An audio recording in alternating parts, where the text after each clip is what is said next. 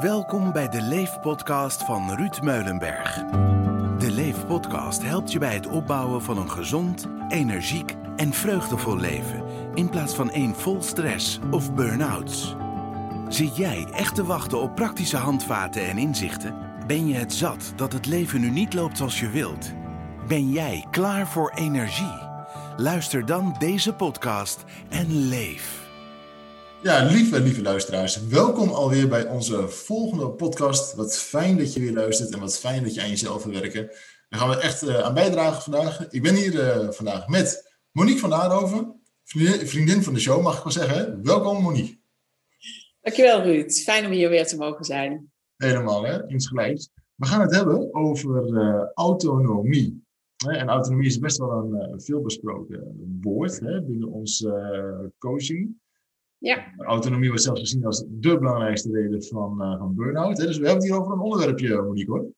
Ja, ja, het is inderdaad ook heel interessant om te kijken van, uh, ja, wat, uh, wat is autonomie eigenlijk? Hè? Ja, ja. Zo, mag je die vraag gelijk aan je stellen? Wat, wat is autonomie? Ja. nou ja, autonomie is, is eigenlijk zelfbeschikking.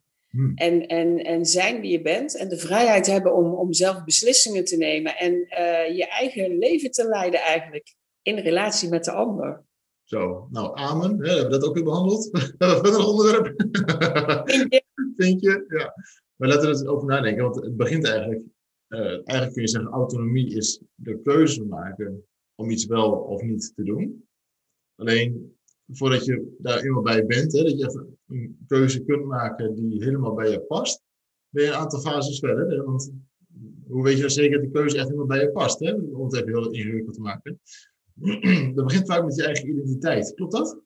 Ja, ja dat klopt. En, en die autonomie die ontstaat dus ook gewoon in, in je kinderjaren. En dat heeft ook vaak ook wel weer met hechting te maken. Ja. Want ben jij iemand die pleest, en aanklampt en alles voor de ander wil doen om, om gezien te worden? Of heb jij geleerd van ik moet het zelf doen en hè, je eigen pad bewandelen en uh, maar kijken hoe jij aan je behoeften kunt voldoen? Ja, want kun je ons eens meenemen van wat is nou een gezonde autonomie? Betekent dat dan dat je tegen iedereen opvecht? Dat je, of dat je, wat, wat is een gezonde autonomie? Gezonde autonomie is, is eh, in alignment zijn, is dat je handelt en voelt naar wie je bent, rekening houdend met de ander. Dus niet jezelf verlaten. Dus niet normen en waarden aan de kant zetten om uh, bij de ander zeg maar in de smaak te vallen. Mooi, dus durven handelen naar wie je bent in relatie tot de ander. Ja, nu wordt autonomie een beetje in de eerste zeven levensjaar van je leven ontwikkeld, hè? Ja. En wat, wat, hoe, hoe ontstaat een gezonde autonomie dan? In wat voor situatie? Gezonde autonomie is, uh, denk ik persoonlijk, uh, als je kijkt naar uh, hoe ouders met kinderen omgaan, geef jij je kind de ruimte om zich te ontwikkelen. Of ben jij een angstige ouder die eigenlijk overal beren op de weg ziet en, en het kind heel beschermend op laat groeien. Ja. dus geef je de ruimte, geef je uh, de mogelijkheid tot ontwikkeling en ben jij zelf eigenlijk die veilige baken, haven, waar ze altijd weer naar terug mogen komen. Ja, mooi. En die veiligheid, die, die is echt super belangrijk. We zeggen wel eens dat, dat er drie factoren zijn die daar heel veel invloed hebben. Je, je hebt natuurlijk je, je opvoeding hebt van je ouders, maar ook je karakter. Dat DNA wat je meegekregen, hè, een stukje angst kan daar haast wel in zitten. Uh, maar ook je omgeving. Hè. Ik kan zo voorstellen dat je, als je in Irak opgegroeid bent, hè, of ja. in Afghanistan, dat je iets anders gehecht bent, iets anders autonoom bent. Kijk, je kunt zeggen, ja, ik ga doen wat ik wil. Maar als je dan vervolgens een, de kogels om je oren vliegen, dan heeft het wel, wel invloed op je natuurlijk. Hè? Ja. Maar op een gegeven moment die autonomie wordt groter. Kun je ons eens meenemen in die, in die ontwikkeling van autonomie? Hoe dat gaat bij mensen die uh, bijvoorbeeld aan een burn-out toe groeien? Ja, vaak zijn die mensen gevoelig voor erkenning uit de buitenwereld. Dus heel vaak willen die toch aardig gevonden worden. Zijn ze perfectionistisch? Willen ze het goed doen? Hè? Dus um, ja, of zij nou echt vaak uh, zichzelf zijn, is dan maar de vraag. Want uiteindelijk, als jij heel veel energie verliest aan zaken uh, waarbij je niet lekker voelt, dan ben je niet autonoom. Nee. Want dan leef jij eigenlijk een leven wat niet bij je past. Als jij, als jij autonoom, hè, autonoom bent, dan krijg je energie, dan voed je je energietank voortdurend door uh, gewoon moeiteloos te leven. Ja. En als dat lastig wordt, ja, dan mag je eens gaan kijken van, hé, hey, waar laat ik steekjes vallen? Of in ieder geval, waar pas ik me aan? En als je je dagelijks aan moet passen, bijvoorbeeld op je werk of in een relatie, dan kost dat heel veel energie en ben je dus niet meer autonoom. Nee. We zijn net al moeiteloos leven. Ik denk dat er bij heel veel mensen dan al heel veel uh, bellen beginnen te rinkelen. En de, misschien aan de ene kant, ah, dat kan niet. Of B, ja, dat zou ik heel graag willen, maar hoe dan? Hè? Maar daar gaan we straks even op komen natuurlijk. Ja, Want stel nou eens, uh, wat is nou eigenlijk de reden dat iemand die niet autonoom is, kans krijgt om een burn-out? Iemand die niet autonoom is, is eigenlijk heel veel weg bij zichzelf. Dus als jij niet in je lichaam bent, want zo, hè, als je niet bij jezelf bent, ben je niet in je lichaam, ben je eigenlijk constant in je hoofd en aan het scannen van wat wordt er van mij verwacht. Ja. Dus je wil eigenlijk heel, aan heel veel verwachtingen voldoen van anderen om wellicht erkenning te krijgen of om jezelf in ieder geval de moeite waard te vinden. En dat kost bakken energie. Dat kost bakken energie. Daar kunnen we over dat... praten. En, en ook als je afhankelijk bent, als je het idee hebt afhankelijk te zijn van anderen, dat kost ook heel veel energie. Ja. En dat hebben ook heel veel mensen. Die zitten in een situatie, in een, in een relatie, in een, hè, een systeem, een familiesysteem of, of uh, in een organisatie, waar ze zich eigenlijk niet prettig voelen, maar ze denken dat ze daar moeten blijven omdat iedereen het verwacht, of omdat ze betaald worden, of hè, ja, eigenlijk, nou, eigenlijk hebben ze dan geen echte keuze meer om te doen of te laten wat ze willen. Dus, en heel veel van die mensen, dat, dat horen ook vaak, hè, van, ja, ik wist eigenlijk al lang dat ik weg moest hè, bij deze werkgever. Of ik wist al lang, dat horen natuurlijk heel vaak mensen na een burn-out, hè, dus dan zeg je, ja, maar nu ga ik het anders doen. En nu, nu, moet, nu moet er echt iets anders, nu gaat de knop om, nu ga ik gewoon doen wat ik graag wil. Ja. Zo'n burn-out daarin is best wel, ja, best wel fijn soms. Hè? Klinkt haast een beetje gek, want zo'n burn-out is helemaal niet fijn, maar wat het oplevert wel. Um, daarom zeg ik ook vaak van ja, een beter leven na een burn-out, dat die autonomie kwestie wordt eigenlijk een beetje opgelost. En mensen, door een burn-out, leert een lijfje eigenlijk uh, te gaan handelen naar degene wie je bent. Exact, ja. Mag ik je een persoonlijke vraag stellen, Monique? Tuurlijk. Wat, wat is jouw ervaring met autonomie, als ik vraag mag? Mijn ervaring met autonomie is um, ja, nou, ik, ik hou uh, heel erg van studeren. Daar ben ik eigenlijk pas op latere leeftijd mee begonnen. En uh, na de dood van mijn vader ben ik eigenlijk uh, richting spiritualiteit gegaan. Richting reiki, intuïtieve ontwikkeling. En dat kwam eigenlijk vanuit een soort behoefte aan, aan heling van, van de pijn. Ja. En daar ben ik, ik denk 25 jaar geleden mee gestart. 30 jaar geleden zelfs. Ongeveer. En um, nou ja, wat, wat gebeurt er is dat mensen je uh, op een gegeven moment een beetje vreemd vinden als je het over energie hebt. En zeker uh, eh, 25 jaar geleden. Dus ik ben van daaruit eigenlijk weer richting voeding gegaan, uh, apparatuur, medische basiskennis. Dus ik ben me eigenlijk weer meer gaan ontwikkelen in wat mensen van je verwachten als je therapeut bent. Ja. Uh, maar die andere kant is mij altijd blijven boeien. En ik ben daar ook altijd uh, in aan het studeren gebleven. Want je ziet jezelf op een gegeven moment ook als kind. Je krijgt kinderen, hè, die maken ook van alles mee. Je hebt met systemen te maken, met familiesystemen. En van daaruit ben ik dus echt gewoon doorgegaan in, in kennis vergaren op een gegeven moment, als jij tegen iemand zegt van ja, maar hè, jouw kind heeft dat en dat probleem, uh, waar jij dus denkt dat een pilletje past, en waarvan ik zeg van nou, kijk eens even naar jezelf. Is er misschien op die leeftijd, toen jij zo oud was als jouw kind, vroeger iets gebeurd Heb je het lastig gehad? Heb je iets meegemaakt? Wellicht is het gedrag van je kind een signaal of een boodschap naar jou om je eigen shit op te gaan lossen. Ja, ja. Na al die jaren. Ja, er zijn altijd mensen die daarvoor eh, openstaan. Maar er zijn natuurlijk ook mensen die zoiets hebben van... Ja, nee, dat, dat gaat niet over mij hoor. De, ze heeft gewoon eh, dat en dat, een bepaalde diagnose, gewoon een pil in. Klaar, opgelost. Ja. Nou ja, op een gegeven moment was het, is het voor mij best wel lastig geweest... om, om een keuze te maken van wat durf ik van mezelf te laten zien. En ik ben ervan overtuigd dat er mensen zijn die baat hebben bij een pil. Ja. En dat er kinderen zijn die baat hebben bij een pil. Maar als het zo mag zijn dat de boodschap van het gedrag een boodschap is naar de ouder om oud zeer op te lossen, dan zal ik niet schromen om uh, daarnaar te laten kijken. Bizar, hè? Want ik, ik hoorde laatst, ik, ik las een onderzoekje dat uh, 92% van ons gedrag is onbewust. Daarnaast vond ik het ook wel heel zielig, want dat betekent dat jij en ik ons werk doen met, die laatste 8%, weet je wat? maar ik vertelde het natuurlijk ook in de voorbereiding. um, voordat ik, ik ben ooit afgestudeerd als gymleraar. Hè, op een gegeven moment stond ik voor de klas.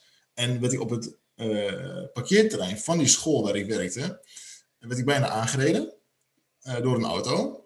En ik er heel boos om, want die auto reed toch veel te hard. Dus ik was er boos om en ik gaf toen uh, les aan een klas, een hele moeilijk opvoedbare klas. En ik vond het heel erg leuk, maar ik was best wel geïrriteerd, weet je wel. En ik dacht, oké, okay, Ruud, rustig aan, terug naar jezelf, weet je wel. Dat er zo een beetje het besef van. Maar toen stond ik voor die klas met 30 leerlingen, die allemaal een bepaalde rugzak van huis uit al mee hebben gekregen, et cetera. En dan, dan merk je ook direct dat er wat is met die klas. Maar zo ook met mijn hond. Als ik een keer een goede bui heb, is die hond ook vrolijk. Als ik zagrijnig ben, is die hond ook zagrijnig. En hetzelfde met mijn kinderen, hetzelfde met mijn vrouwen. Dus in die relatie, dus, dan zeg je nog helemaal niks. Maar ondertussen dan, dan zeikt het aan alle kanten uit je poriën, weet je wel. Iedereen echt wel weer hoe laat het is. Of ze me nou kennen of niet. Ja. Herken je Mooi. dat? En dat is energie, hè, Ruud? Ja, alles is energie. Dus wat je uitzendt, krijg je ook terug. Zo simpel is het. Ja. ja. En ook waar je op focust. Hoe, Je kan ook dingen- Dat, dat dat voor jou zo- zo'n ding was, hè? Want eh, daar heb je toch eigenlijk hartstikke gelijk in. Ja, ehm, nou ja, dat vond ik zelf ook altijd best wel. Ja. Ehm, maar goed, er zijn natuurlijk altijd mensen die zeggen, ja, de, de huisarts weet het beter. En nu weet ik natuurlijk ook wel dat de huisarts op heel veel gebieden het veel beter weet eh, als dat ik dat weet. Maar ik heb wel hele mooie ervaringen vanuit andere visies. En omdat ik heel veel tijd besteed aan andere visies, krijg ik ook ervaringen. En die ervaringen, die kan ik weer delen. En een huisarts, ja, dan weet ik zeker dat hij geen ervaring heeft met een kindertolk bijvoorbeeld. Ja. Dus die kan die ervaring ook niet delen. Daar is niks mis mee. Maar het wil niet zeggen dat het een het ander eh, uitsluit. Om een voorbeeld te geven, die, ehm, de meest gebruikte eh, oplossing van, van depressie is antidepressiva. Terwijl iedereen weet dat bewegen vele malen beter werkt dan, dan antidepressiva. Alleen de huisarts gaat niet met, een klant, eh, met zijn cliënt eh, bewegen. Hè? Dat, dat, dat kan niet. Nee, Dus er zijn meer, er zijn meer wegen die naar Rome leiden eigenlijk. Hè? Maar terug naar het stukje autonomie. Wat heb jij dan uiteindelijk gedaan om daar toch autonomer in te kunnen zijn? Nou, ik ben op een gegeven moment gewoon echt voor mezelf gaan staan. En ik eh, werkte op een gegeven moment ook voor een organisatie waar het niet eh, gewaardeerd werd dat ik eh, af en toe met mensen wat dieper ging dan de geëikte paden. Dat ik te therapeutisch werkte. Terwijl ik het gevoel had dat dat was wat die persoon nodig had. En wat uiteindelijk ook bij heel veel personen eh, het gewenste effect heeft gebracht. Ehm, maar die persoon zelf die vond het een beetje lastig om te zien dat ik bijvoorbeeld zaken deelde van het spiegelen van bijvoorbeeld een paard. Paarden spiegelen hè? ook mensen, dus ruiters weten precies hoe dat werkt. Ja. Ehm, ik heb daar ooit een mooi verhaaltje van gedeeld over een paard in Mexico, wat ik toen bereed. Die En, ben ik eh, maar in Mexico kennen. Die zijn niet te vertrouwen. nee, grapje, grapje. Ga verder. ik zat paard in Mexico en dat paard deed eigenlijk exact wat ik op dat moment eh, deed in mijn leven. En, ehm, en die liet mij op een gegeven moment ook zien wat ik mocht gaan doen. Echt van het pad afgaan, rust nemen, niet te kunnen volgen. En het was echt zo'n mooie spiegeling dat ik dat wilde delen. En dat heb ik dus uiteindelijk ook gedeeld. En ik, ik werd daarop aangesproken. En dat deed mij eigenlijk uh, behoorlijk pijn, want ik had zoiets van: jeetje, dit is zo'n mooie ervaring. Hier kunnen zoveel mensen iets aan hebben. Uh, waarom mag dat niet gezien worden? En toen kwam ik echt wel met mezelf in conflict. Van ja, pas ik dan nog wel in deze organisatie? Ja. ja. Als ik niet mezelf mag zijn. Oh, ja. En wat heb je toen gedaan? Ik ben gestopt. Ja. De keuze om iets wel of niet te doen, uiteindelijk. Ja. en het heeft nog even geduurd hoor, want het voelde ook als afwijzing. En die afwijzing kende ik natuurlijk ook vanuit mijn, mijn uh, kind zijn ook. Dus ik wilde ook nog wel lijmen. Uh, en dat hebben we op een gegeven moment, hè, we hebben gesprekken gevoerd van, nou oké, okay, uh, dan misschien toch nog maar proberen. En nee, het voelde gewoon niet meer goed. Nee, het voelde gewoon niet meer goed. Dus ehm, ja, afscheid genomen. Als je er nu zo naar kijkt, want eigenlijk zou je kunnen zeggen van, ja, wat, wat maakt het dan eigenlijk uit? Want Ehm, het hoeft ook nergens aan te liggen. Het hoeft niet aan, aan diegene te liggen. Het hoeft ook niet aan jou te liggen. Het kan ook gewoon zijn dat het gewoon een, een, een, een andere visie is. Ja. van, ja, hij, hij, hij, of zij denkt er zo over. Jij denkt er zo over. Ja, nou, nou en?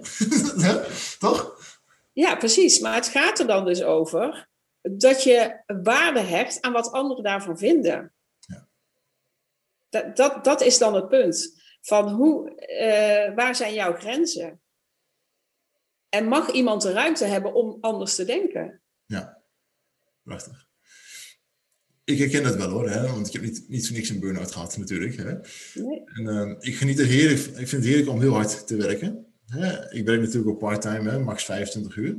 Maar ik vind het daarnaast ook, heel veel mensen zien dan, zeggen ze tegen mij, joh, je bent altijd actief, je bent altijd bezig met prestatie. Altijd, hè, als je fietst, dan kun je ook niet normaal fietsen. Dat klopt ook.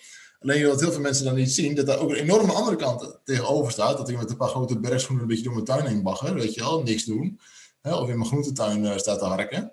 Hè, dat vind ik ook heel leuk. Of met mijn kinderen, dat je toch als ik met, uh, met twee kinderen een weekendje naar de Pyreneeën. Hè, gewoon niks. Gewoon samen, een beetje voetballen.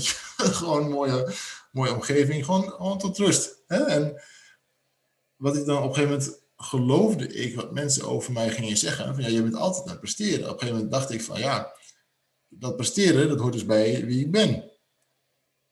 Alleen op een gegeven moment kun je niet meer de keuze maken van wil ik nou nog echt presteren? Of, of hoeft dat nu even niet meer? Hè? En, en, dat, dat maakt dan ook weer dat autonomie. Van ja, leef ik nou dat leven wat een ander van me verwacht? Of leef ik het leven wat ik, wat ik weet wat goed is voor me. Hè? Wat, wat gewoon heel diep van binnen ook bij me borrelt. Herken je dat of niet? Of wel?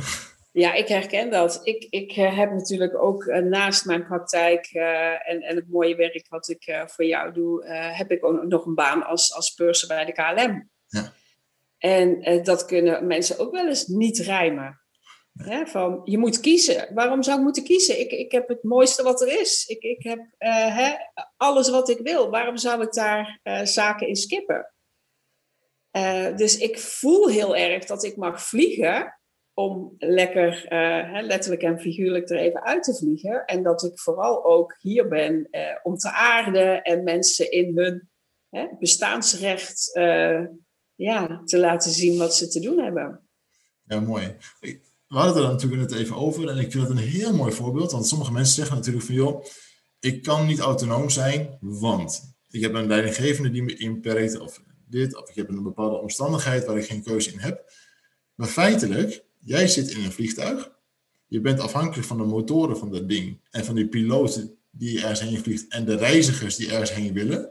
Ja, jij bent niet degene die de koers uitzet. Hè? Dat zou, zou mooi zijn. Van, ja, vandaag gaan we niet naar Paramaribo, we gaan naar Aruba. Hè? Of uh, yes. even aan de kant, ik kan het beter. Weet je, looping, hè? Dat, is, dat, dat, dat wordt hem niet. Hè? Waar zit voor jou dan die autonomie? Nou, als leidinggevende heb ik, eh, heb ik een team uh, waar ik mee werk. En ja, ik zie mijn team echt als allemaal uh, hele volwassen mensen met heel veel jaren ervaring. En eh, ik zie heel veel enthousiasme en, en heel veel uh, liefde voor het vak. Dus die mensen die geef ik heel graag de ruimte om, om zelf hun ding te doen.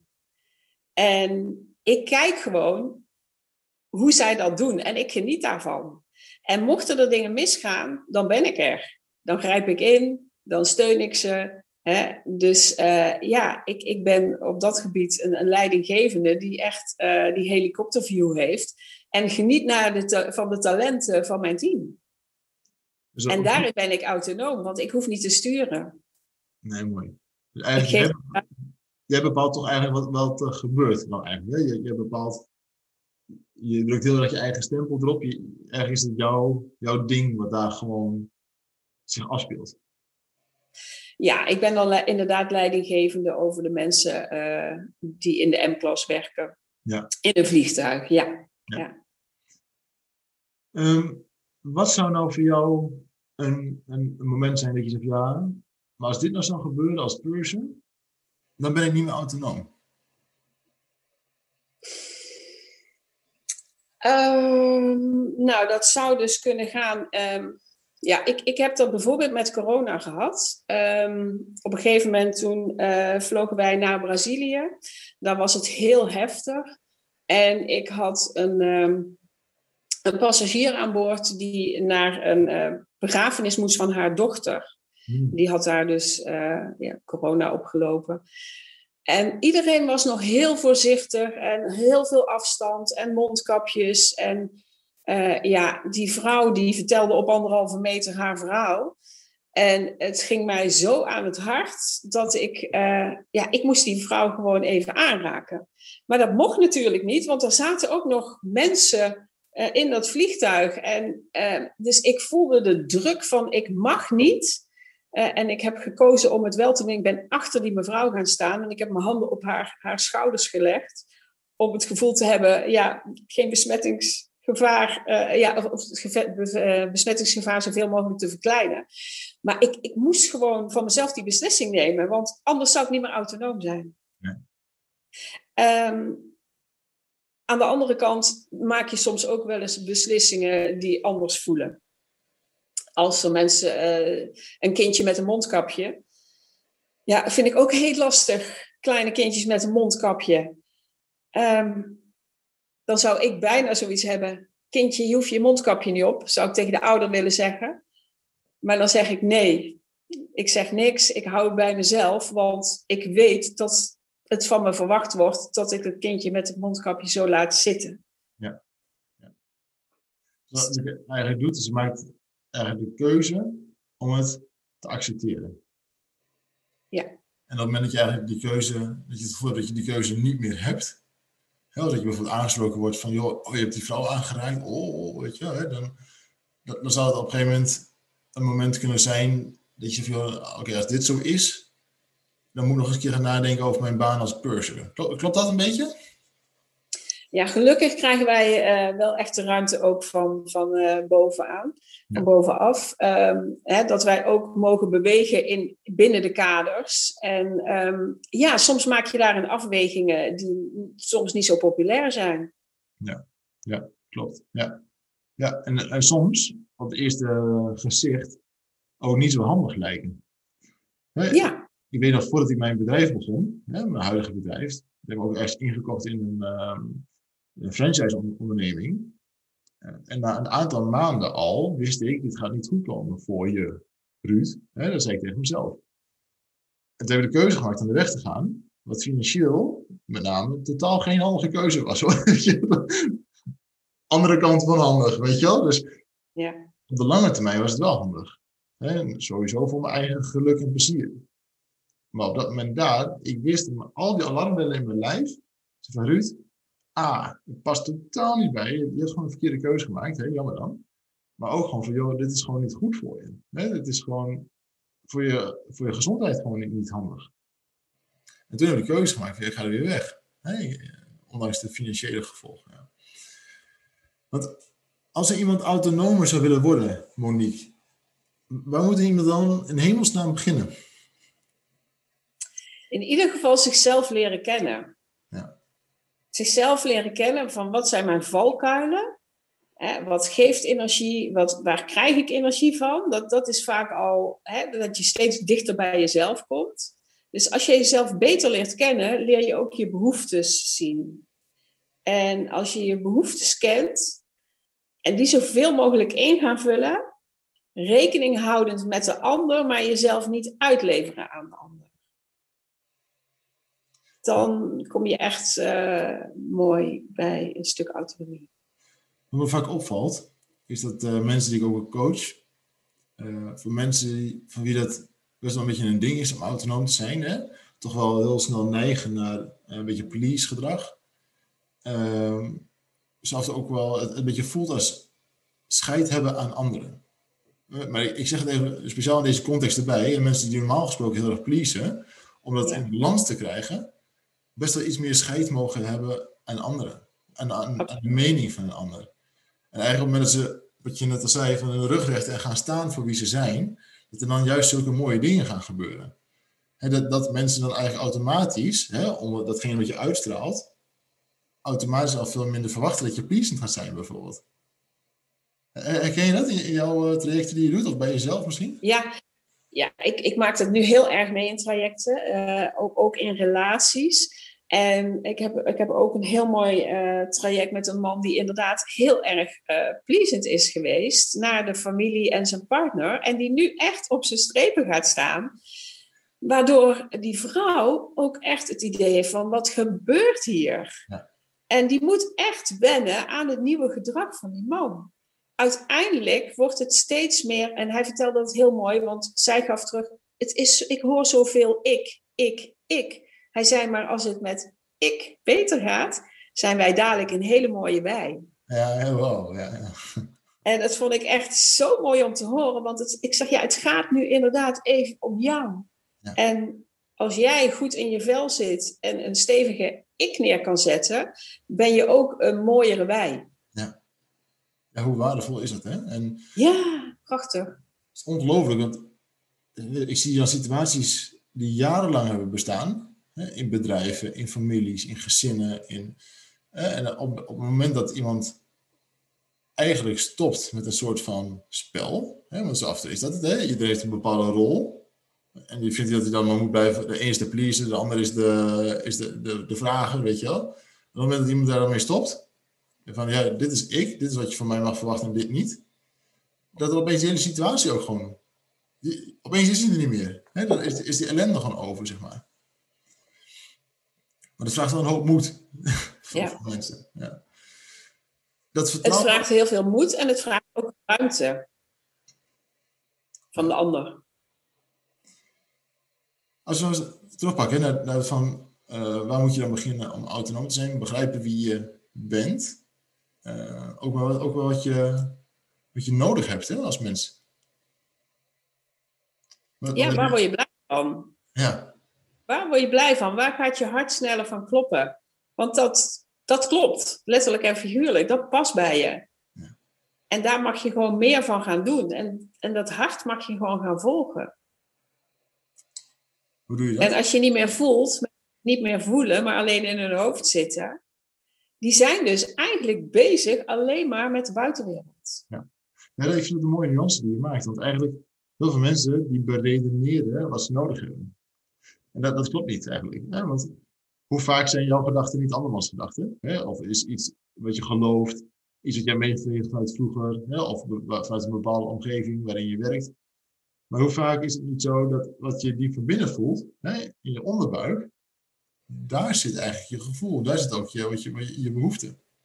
Exact. En om dat naar boven te krijgen en daarop te gaan vertrouwen, ja, weet je, dat is geen wetenschap. Maar het klopt wel. en dan zit je een beetje op wat jij net zei, van, ja, ik, ik had eigenlijk veel meer met energie. En ik wist dat het klopt. Ik wist dus dat het bij mij paste. Alleen in de context waar het niet zat, werd dat nog niet helemaal begrepen. Maar dat wil niet zeggen dat het niet klopt. Nee. nee. ja, inderdaad. En mensen voelen het. Als mensen op een gegeven moment zich beter gaan voelen, rustiger gaan voelen, dan, dan, zit, zitten ze op de weg naar zichzelf.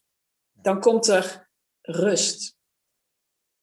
En, en die rust en die stilte, die je heel mooi in de natuur kan vinden natuurlijk, die, die laat eigenlijk zien wat wij in de basis zijn. In de basis zijn we eigenlijk zijn, in plaats van doen. Ja. Ja. We zijn constant aan het doen. Doen, doen, doen, doen, doen. In hoeverre is het belangrijk om, om jezelf te accepteren zoals je bent? Ja, dat is denk ik de eerste stap.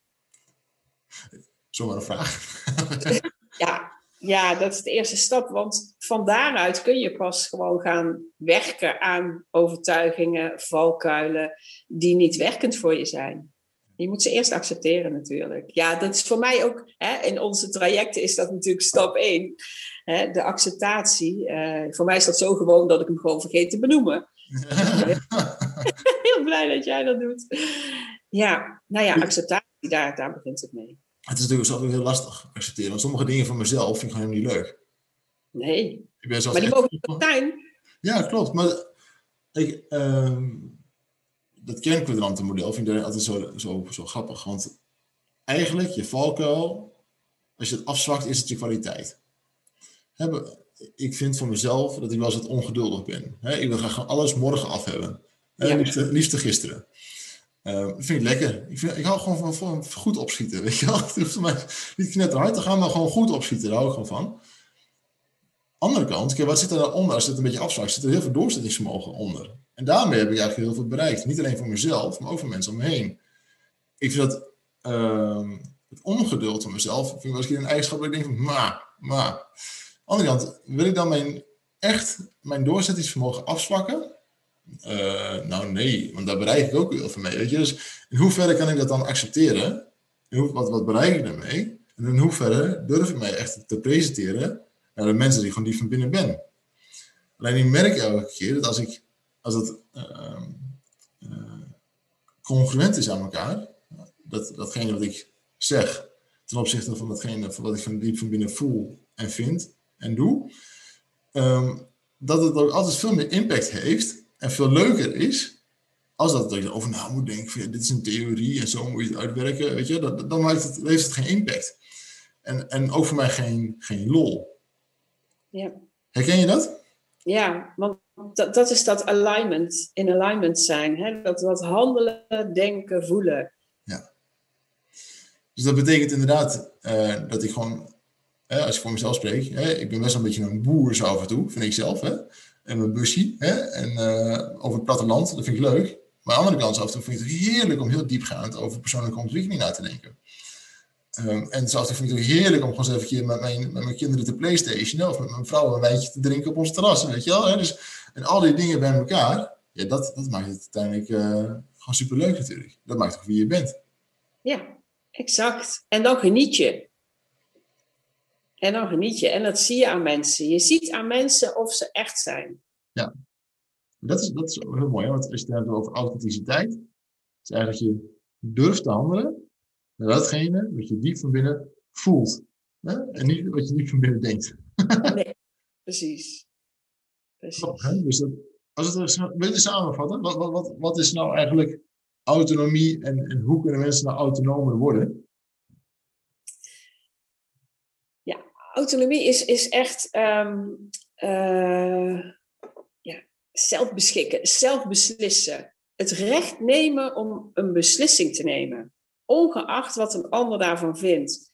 En te zijn waar jij je het beste bij voelt. Mooi. Um, ja. Echtheid.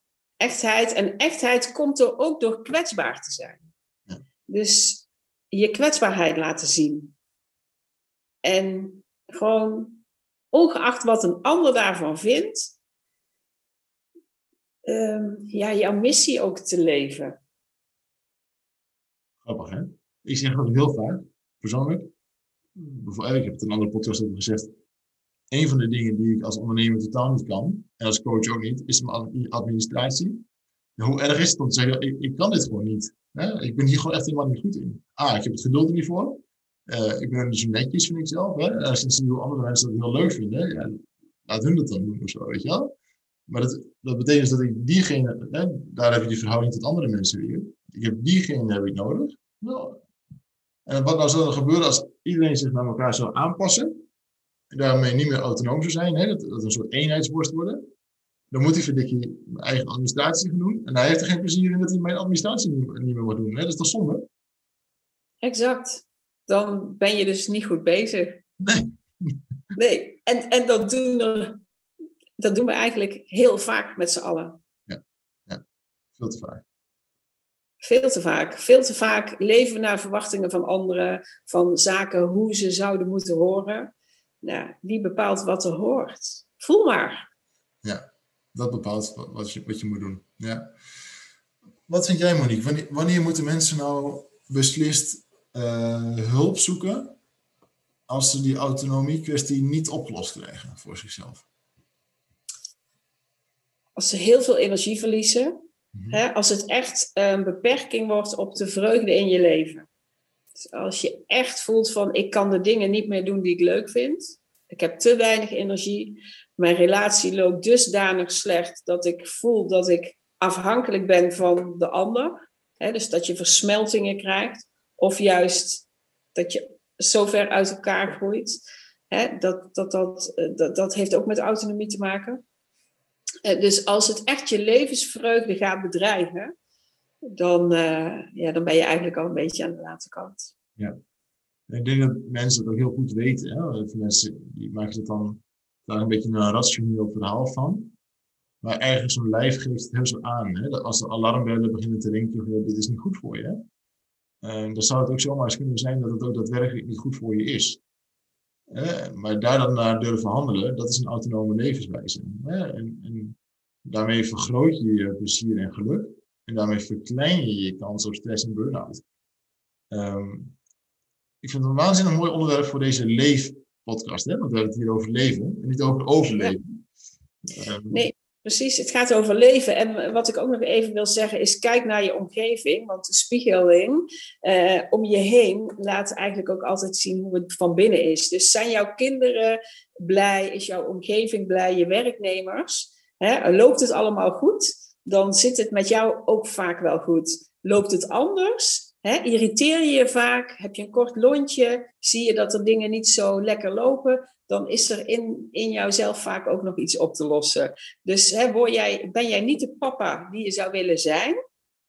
Hè, ben je te streng? Uh, zit je te veel op wat hoort en wat niet hoort? Vind je het toch moeilijk om je kinderen de ruimte te geven zich te ontwikkelen? Nou, dan mag je inderdaad uh, naar je eigen autonomie gaan kijken. Mooi. Fantastisch onderwerp, uh, Monique. Volgens mij hebben we hem goed gecoverd. Hè? Klopt dat? ja, ik heb wel het idee dat, dat we behoorlijk wat benoemd hebben, waardoor mensen inderdaad het inzicht kunnen krijgen van hoe zit het met mijn eigen autonomie? Is, is er nog werk aan de winkel? Ja, ja prachtig. Ja, lieve luisteraar, hè, schroom niet. Hè, als je op een gegeven moment het idee hebt van, joh, ik moet hier wat mee. Hè, of of wat, wat kan ik hiermee? Ik merk dat er iets niet helemaal goed is, maar of niet helemaal goed, ik, ik wil graag wat veranderen. Neem gewoon eens contact op, info.rupmeulenberg.nl Maar schroom niet, hè, want er hoeft nog niet gelijk een heel antwoord aan te zijn. We kunnen ook gewoon eens met je meedenken. Um, We kijken altijd graag even met je mee. En we willen je ook graag even een stap verder helpen. Maar ik wil je ook graag wat vragen. En dat wat ik graag wil vragen is dat je nu één iemand in gedachten neemt. Die absoluut baat gaat hebben bij deze podcast. En ik wil je graag vragen om deze podcast met diegene te delen. Want wij stellen het ook, ook ter beschikking. We willen graag mensen daarmee inspireren om te gaan leven. En we willen graag dat uitdragen aan andere mensen. dus Monique, ik vraag het ook aan jou. Eén iemand eh, pakken die, eh, die deze podcast nodig heeft. dan doe ik dat ook. En dan gaan we gewoon met z'n allen delen.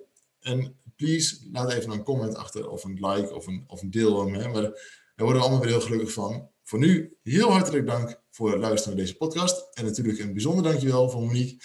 En dank voor al je kennis en interesse. Nou, heel graag gedaan. Dankjewel. Tot de volgende.